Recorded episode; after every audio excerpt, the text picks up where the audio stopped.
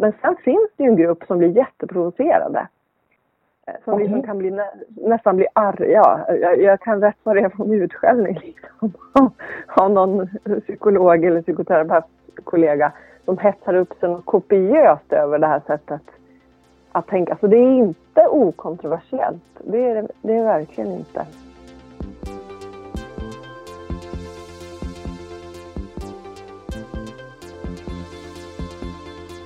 Du lyssnar på HSP-podden med Leveby och Klar. Hej och välkomna till HSP-podden med Leveby och Klar. Podden som handlar om det ärftliga personlighetsdraget högkänslighet. Vad har du för spännande? Lite men- sprita, Ja. sprita bort min förkylning. Är det så tydligt? Ja, visst. Jag känner ju dig. Jag vet hur du tänker. Åh gud vad starkt det var. Oj, oj, oj. Känner du alkoholen? Nej, jag känner ingenting täppt. Precis när jag hade, blivit, hade slutat ta nässpray ju. Två veckor utan nässpray blir jag förkyld. Ja, och kan, och det har inte Ja, gått. och Alltså, jag, har, var, du- jag var tvungen. Det Ja, hade inte gått annars. Jag hade inte kunnat sova. sova. Nej. Så att, eh, nej tyvärr så nu har jag trillat dit igen. Ja, Men det är bara en svacka. Ja, men jag hoppas det. Men Idag ska vi prata om ett livsviktigt ämne, nämligen högkänsligas möte med sjukvården. Om hur mycket kunskap som finns där om högkänslighet, eller kanske avsaknaden därav. Och hur vi kan underlätta för oss själva genom att berätta vilka behov vi har. Till vår hjälp så har vi psykoterapeuten Elin Lundberg som tidigare har varit gäst i avsnitt nummer sju av podden. Hon är sedan förra veckan den enda svenskspråkiga och HSB-kunniga psykoterapeuten som finns med på Elaine Arons lista över rekommenderade terapeuter för högkänsliga. Ja, och din intervju med henne hör vi lite senare här i avsnittet. Och vi ska också ta avstamp i vad Elaine Aron, som var först med att mynta begreppet högkänslighet, säger om saken. Men först ska vi låta er lyssnare dela med er av era erfarenheter av vården här i Sverige. Vi la ut en fråga på Facebook där vi undrade hur stor kunskap som ni tycker att sjukvården har om högkänslighet och hur ni har blivit bemötta. Och Börje skrev snabbt så här. På Södersjukhuset och Karolinska har de väldigt dålig kunskap. Jag berättade för sjuksköterskor och läkare om det högkänsliga personlighetsdraget. Jag visade SFHs broschyr som de hade i personalens uppehållsrum och Elaine Arons bok. Sen fick jag berätta hur jag ville bli bemött och att jag var i behov av tystnad. Vilket ju är svårt i dessa sammanhang. Jag blev en besvärlig patient i vissas ögon. Men jag lärde personalen en hel del om HSP. Och det är viktigt att ni ger sjukvårdspersonal kunskap om HSP. Det är ju ett begrepp. Hade det varit en diagnos hade kunskapen varit betydligt bättre. Tycker också att SFH, Sveriges förening för högkänsliga, behöver sprida kunskap till denna viktiga instans. För den här kunskapen är också bristfällig bland psykologer. Och så önskar han oss lycka till med det här avsnittet. Det låter ju som att Börje verkligen har varit eh, om och kring sig här, att han har försökt prata med personal. Ja, det låter ju inte bra. Och läkare är väl lite kända för att vara lite fyrkantiga sådär. Ja, enligt Elaine Aron så är, har eh, många läkare blivit liksom lite känslomässigt avtrubbade. Att de kan ju ha jättemånga känslor såklart, men att för att ta sig igenom läkarutbildningen med allt man får se där och människor man får möta så måste man kanske vara av en, dels vara av en annan natur, men om man är känslig kanske trycka undan det. Och eh, det skriver hon ju också att många inom vården kan ju vara högkänsliga. Men då är det kanske mest eh, undersköterskor och sjuksköterskor. Inte så många läkare. De är mer fokuserade på uppgiften de har snarare än den andras, än liksom patientens känslor kring åkommorna. Ja, jag har i alla fall alltid känt mig lite mer som ett eh, fysiskt objekt när jag är hos läkaren. Inte riktigt blivit bemött som en person med känslor. Jag kan tänka mig att eh, många känner igen sig i den beskrivningen. Och under mina tidigare läkarbesök, eller min tid i terapi, så har ingen någonsin ens nämnt ordet högkänslighet. Nej. Och det hade ju underlättat. Men nu, när jag vet om det, så är jag väldigt tydlig med att jag är högkänslig. Om det behövs. Det är ju inte alltid det behövs. Men jag var hos läkaren här för bara några veckor sedan och skulle få recept på värktabletter mot min kraftiga mensvärk. Och då ville läkaren ge mig andra tabletter än de som jag var van vid. Och då sa jag nej, jag vet vilka tabletter som funkar bra för mig och vilka tabletter som jag mår dåligt av. Men sen finns det ju också det där som är nog så viktigt, just som vi pratade om här innan. Bemötandet. Jag läste faktiskt bara för ett tag sedan om en högkänslig person som hade gått till läkaren för att få medicin mot äh, ångestliknande symptom. Och beskrev då sig själv på läkarens förfrågan, alltså sina upp och nedgångar. Och då, helt plötsligt, så gav läkaren den här personen plötsligt diagnosen klinisk depression. Mm. Bara sådär. Och det skriver ju också Elaine Aron i sin bok Den högkänsliga människan, att högkänsliga ska komma ihåg att det är de som är kunden. Att om man inte blir bra bemött så ska man byta läkare. Det kanske är lite svårare här i Sverige, det funkar ju inte på riktigt samma sätt som i USA. Men eh, visst, man kan ju byta vårdcentral eller läkare om man inte är nöjd. De får ju också pengar baserat på antalet patienter. Och Elaine Aron skriver ju också att om man själv respekterar sin högkänslighet i mötet med sjukvårdspersonal så är det större chans att den och man själv blir respekterad av andra. Och att högkänsliga inte ska gå på myten om att vi är överkänsliga eller gnälliga om vi har särskilda behov. Utan hon skriver att det hela handlar om att du blir mer överstimulerad än den genomsnittliga patienten. Och så är det med det. Så stå på er där ute, ni som lyssnar, och var välinformerade om ert personlighetsdrag. För faktum är att högkänsliga är känsligare för smärta än den övriga befolkningen. Och vi är också känsligare mot mediciner och kan reagera starkt på biverkningar. Jag vet bara att jag tog någon hostmedicin, sån här eh, Kokilana. Just det. Visst delade vi det lite grann mellan oss en stund där? Ja, gjorde vi det? Ja, det, det liksom eh, korsa, korsade liksom banan mellan våra kylskåp ett tag. Mm, jag, jag lånade av dig och jag kommer ihåg att jag drömde fruktansvärda mardrömmar. Och så vaknade jag upp mitt i natten helt kallsvettig och typ paranoid. Så det gör jag aldrig om. Och Elaine Arons tips är också att man ska tänka sig för som högkänslig innan man testar nya lä läkemedel. Man ska prata med sin läkare och vara välinformerad om vilka biverkningar som finns. Och sen lyssna på kroppen om vad den tycker om just den här nya medicinen. Bra tips! Och nu ska vi få ännu fler tips av Elin Lundberg. Eh, hon blev bara förra veckan stämplad som HSP-kunnig av självaste HSP-gurun Elaine Aron. Och det gör att vi inte bara har en, utan två av Aron godkända HSP-kunniga i Sverige. Elin är dock den första som är eh, svenskspråkig vad vi känner till. Vi tar avstamp där och fortsätter sedan att prata om hur duktiga eller undermåliga svenska terapeuter egentligen är kring HSP.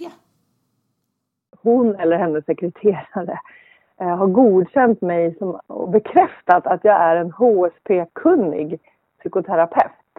Så att när man googlar på Elaine Arons sida och letar efter terapeut, och man då letar under fliken Sverige, då kommer jag upp. Och det är väldigt roligt att, att jag klarade testet och att jag får vara med på hennes hemsida.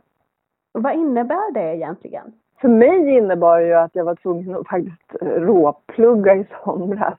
För att eh, man kunde välja mellan att titta på en film där hon föreläste eh, eller så kunde man läsa hennes bok, så jag gjorde det. Och sen så var det 50 frågor som jag sen fick sitta och leta efter svaren och det var inte helt lätt. Så för mig innebar det en ganska eh, svettig arbetsinsats. För den som söker hjälp så tänker man att det, det innebär att den man träffar har varit tvungen att ändå fördjupa sig lite i ämnet.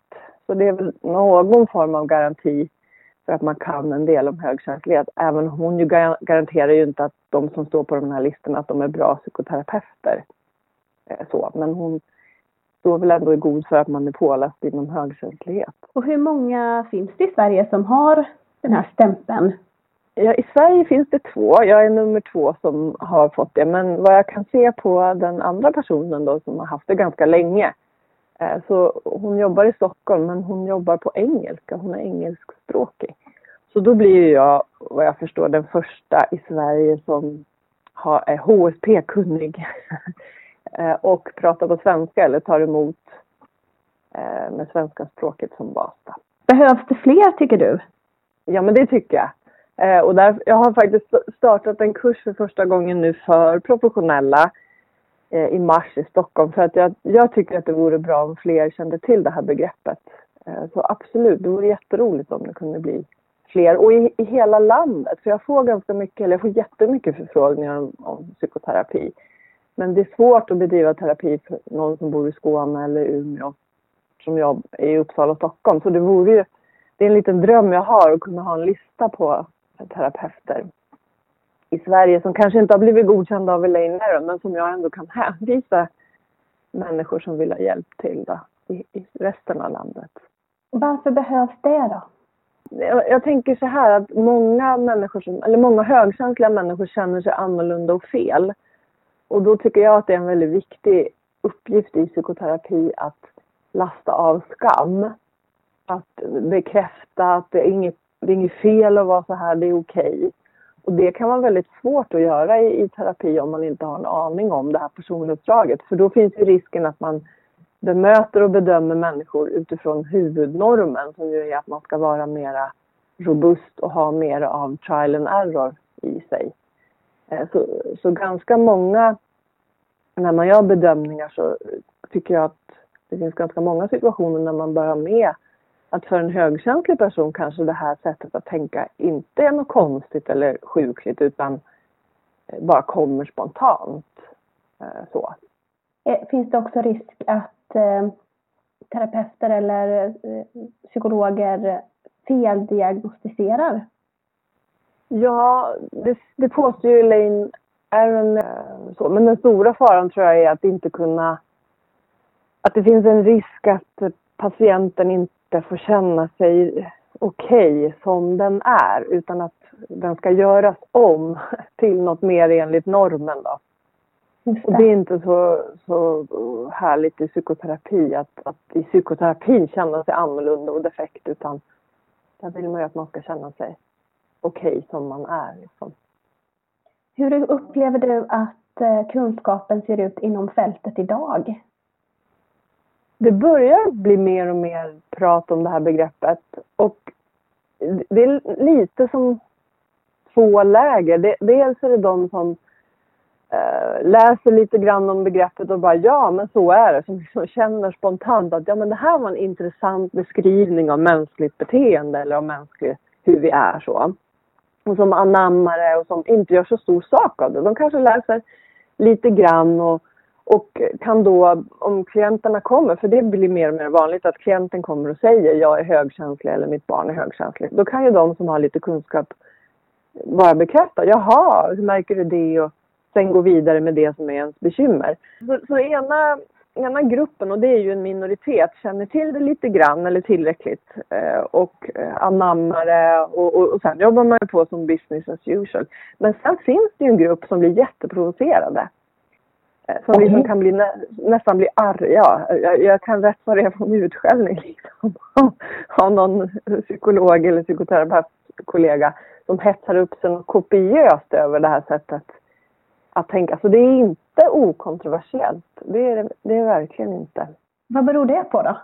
Men det är väl någon, dels någon oro för att man kategoriserar människor i onödan. Att, att vi skapar kategorier som inte är till hjälp. Och sen en annan fenomen som jag har märkt det är att man, att man säger så här, ja, ja, ja, högkänsliga människor, det vet jag vad det är. Och så klumpar man ihop dem med alla man har mött i sin verksamhet som mår psykiskt dåligt och sätter likhetstecken.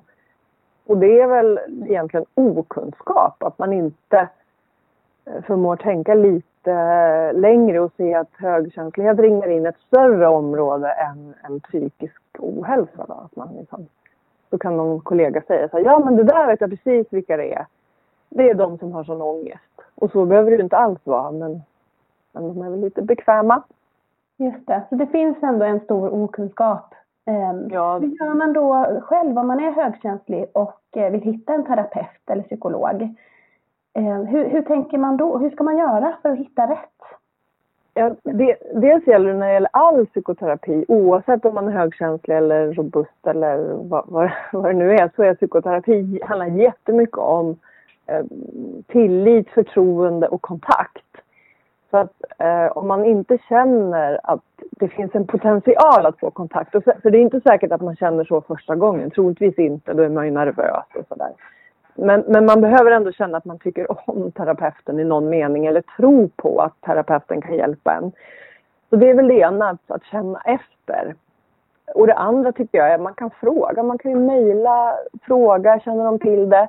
Och om de inte känner till det men ändå reagerar med nyfikenhet och inte avfärdar den, för det är kanske ett varningstecken. Men då kan man ju fråga om de kan tänka sig att läsa på lite. Så. Eller fråga om det är okej att man själv tar upp det här temat. Så.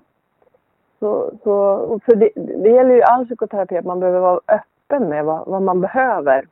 Ut med det bara, tänkte jag mig. Och gärna tidigt också. Det är tråkigt om man har gått tio gånger och sen nämner man det och då säger, ser psykologen helt äcklad ut. Det tror jag väl inte men det är ju bra om man kan sätta ord på det ganska snabbt. Och då kanske någon funderar, måste psykoterapeuten vara högkänslig själv? Och det, det finns ett för och nackdelar med. Om man är en högkänslig psykoterapeut så ökar möjligheten att den kan bekräfta en. Eh, att det är okej. Okay. Det här är inget konstigt eftersom den troligtvis själv har upplevt liknande som klienten upplever. Men å andra sidan om man har en robust psykoterapeut så kan ju den eh, inte utifrån egen erfarenhet bekräfta men den kan ju då ändå ge legitimitet utifrån majoriteten. Så att den nästan kan bli ännu starkare. Men däremot så behöver man ha en sensitiv terapeut för det visar forskning. Det, det är faktiskt ett kriterium att terapeuten behöver ha en sensitiv förmåga för att bli bra i terapirummet. Och det är generellt alltså? Ja, det är generellt, ja. Mm. Men du kan ju vara sensitiv och lyhörd även om du inte betraktar dig som högkänslig. Mm. Fast jag tror faktiskt, om jag ska vara helt ärlig, så tror jag att väldigt många Eh, psykologer och psykoterapeuter är högkänsliga. Men de kanske, de kanske inte vet om det. Men de har valt yrke utifrån en lyhördhet och nyfikenhet på människor. Och att mm, man blir kanske inte eh, psykoterapeut med egen mottagning så om man inte är lyhörd och kan läsa av kroppsspråk, känna in, mm, registrera outtalade saker så. så jag tror att det finns väldigt många högkänsliga där ute men alla vet inte om det. Jag tänker om vi kan prata lite i övriga vården. Hur, tycker, hur upplever du att kunskapen kring HSP ser ut där? Det är väl inte för givet att de känner till det i övriga vården. Och där kanske, som jag brukar säga, det är inte säkert man behöver blanda in om man ska bli sövd eller få smärtstillande kanske man inte behöver blanda in att man tror att man är högkänslig men däremot så behöver man ju tala om hur man tål mediciner och om man är lättsövd eller inte eller smärtkänslig eller inte utifrån ens egen uppmärksamhet. Det är ju samma med vanlig vård att man behöver kunna berätta vad det är man behöver och hur man funkar. Skulle det inte bara vara smidigt då att kunna säga ja men jag är högkänslig och så fattar personalen att ja, okej, okay, då är vi med. Jo, det är klart, det vore ju trevligt. Alltså, det säger ju inte så jättemycket för en läkare eftersom det är nästan 15-20 procent som är högkänsliga. Hen behöver ju ändå ta reda på, okej, okay, men vad innebär det för dig? Jo, jag behöver lägre dos Alvedon eller jag behöver högre dos Alvedon eller vad det nu är. Man behöver nog ändå ner på detaljnivå om man ska diskutera vård eh, inbillar jag mig. Du tycker inte att det finns ett behov av att kunskap om högkänslighet inom vården? Alltså den somatiska vården, kroppsvården tänker du? Ja. Nej, inte på samma sätt. Nej, det, det, kan jag nog inte, inte tycka. Utan där, är det ju, där behöver ju läkaren veta precis hur just den här individen funkar i, i sina lemmar och, och i huvudet och, och så vidare. Jag vet inte om de har samma nytta av ett sånt här begrepp. Jag tror att det är mest användbart inom psykologi. Alltså, men, alltså sådana saker som rör mänskligt beteende och rör mänskliga relationer. Tack så jättemycket Elin. Tack, tack. Där tackar vi Elin Lundberg för det. Intressant det hon sa att hon inte tycker att det är jätteviktigt att berätta om sin högkänslighet eller känslighet hos läkaren. Ja, jag tycker väl att eh det finns vissa fall där man kanske ändå vill nämna det eller nämna att man är känslig. Det kanske handlar främst om själva bemötandet. För, för, för mig i alla fall. Ja, hur tänker du då? Jag tänker att eh, jag har ändå varit hos läkaren och känt att de har pratat med mig på ett ganska hårt sätt eh, som gör att jag blir orolig, eh, nervös och eh, känner mig liksom skakis när jag har kommit därifrån. Vilket jag tror lätt skulle kunna undvikas om läkaren i fråga hade bemött mig på ett lite mjukare sätt. Och där är vi inne på psyket ja. ändå på något sätt. Ja. Och det, kan jag, det håller jag med om, för det är nog också det, det är just bemötandet som har varit viktigt. Eh, Elaine Aron, som vi har pratat om innan, är ju ännu inne på, ändå inne på mediciner och hur det faktiskt påverkar, hur högkänsligheten påverkar det. Mm. Men jag skulle nog också typ bryta ihop nästan om någon var så hård mot mig. För man är så sårbar i ett läkarbesök. Man sitter där och berättar om sina problem och sina liksom, fysiska åkommor. Mm. Och då, då tycker jag att det är viktigt att jag är en känslig själ. Mig kan du inte bara vara så brysk med.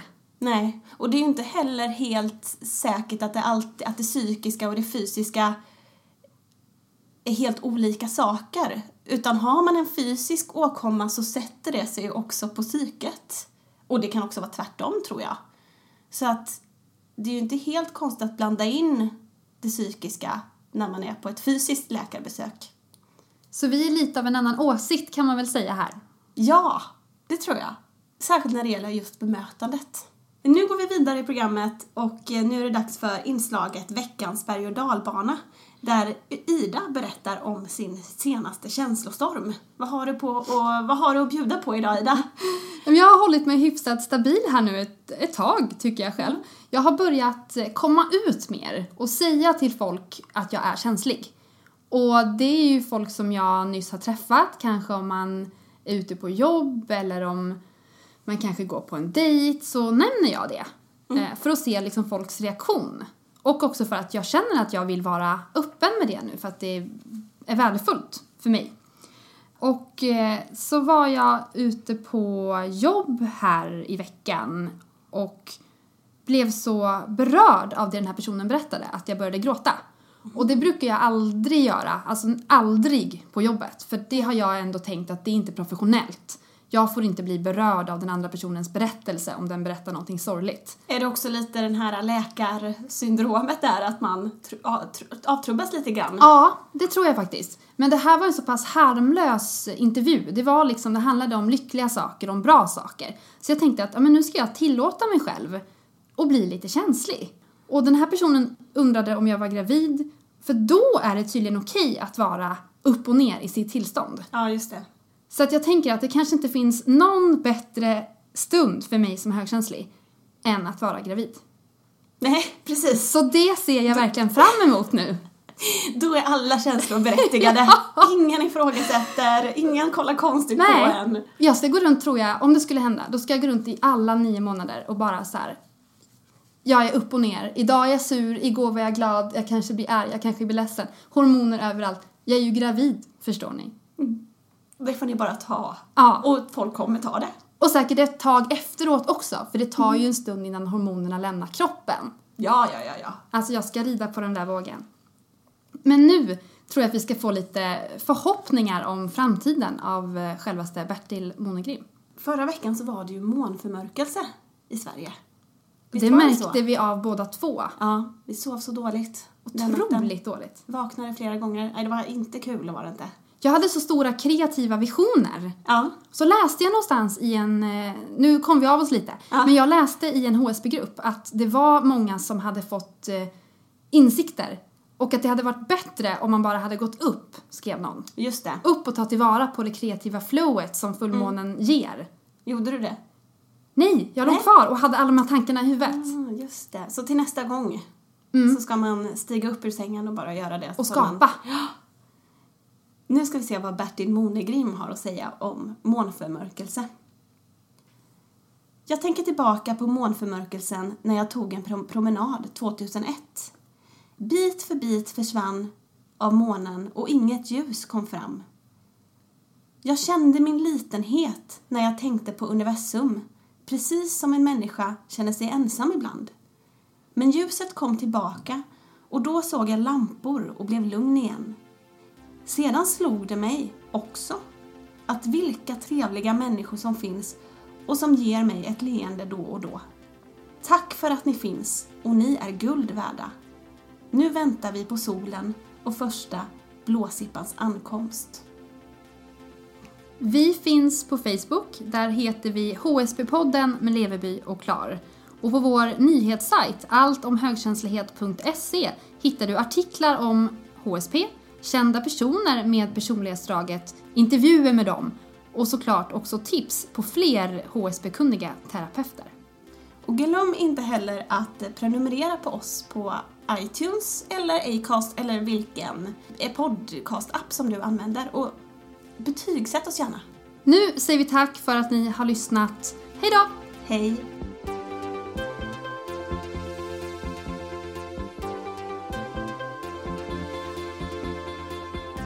Du har lyssnat på HSP-podden med Leveby och Klar.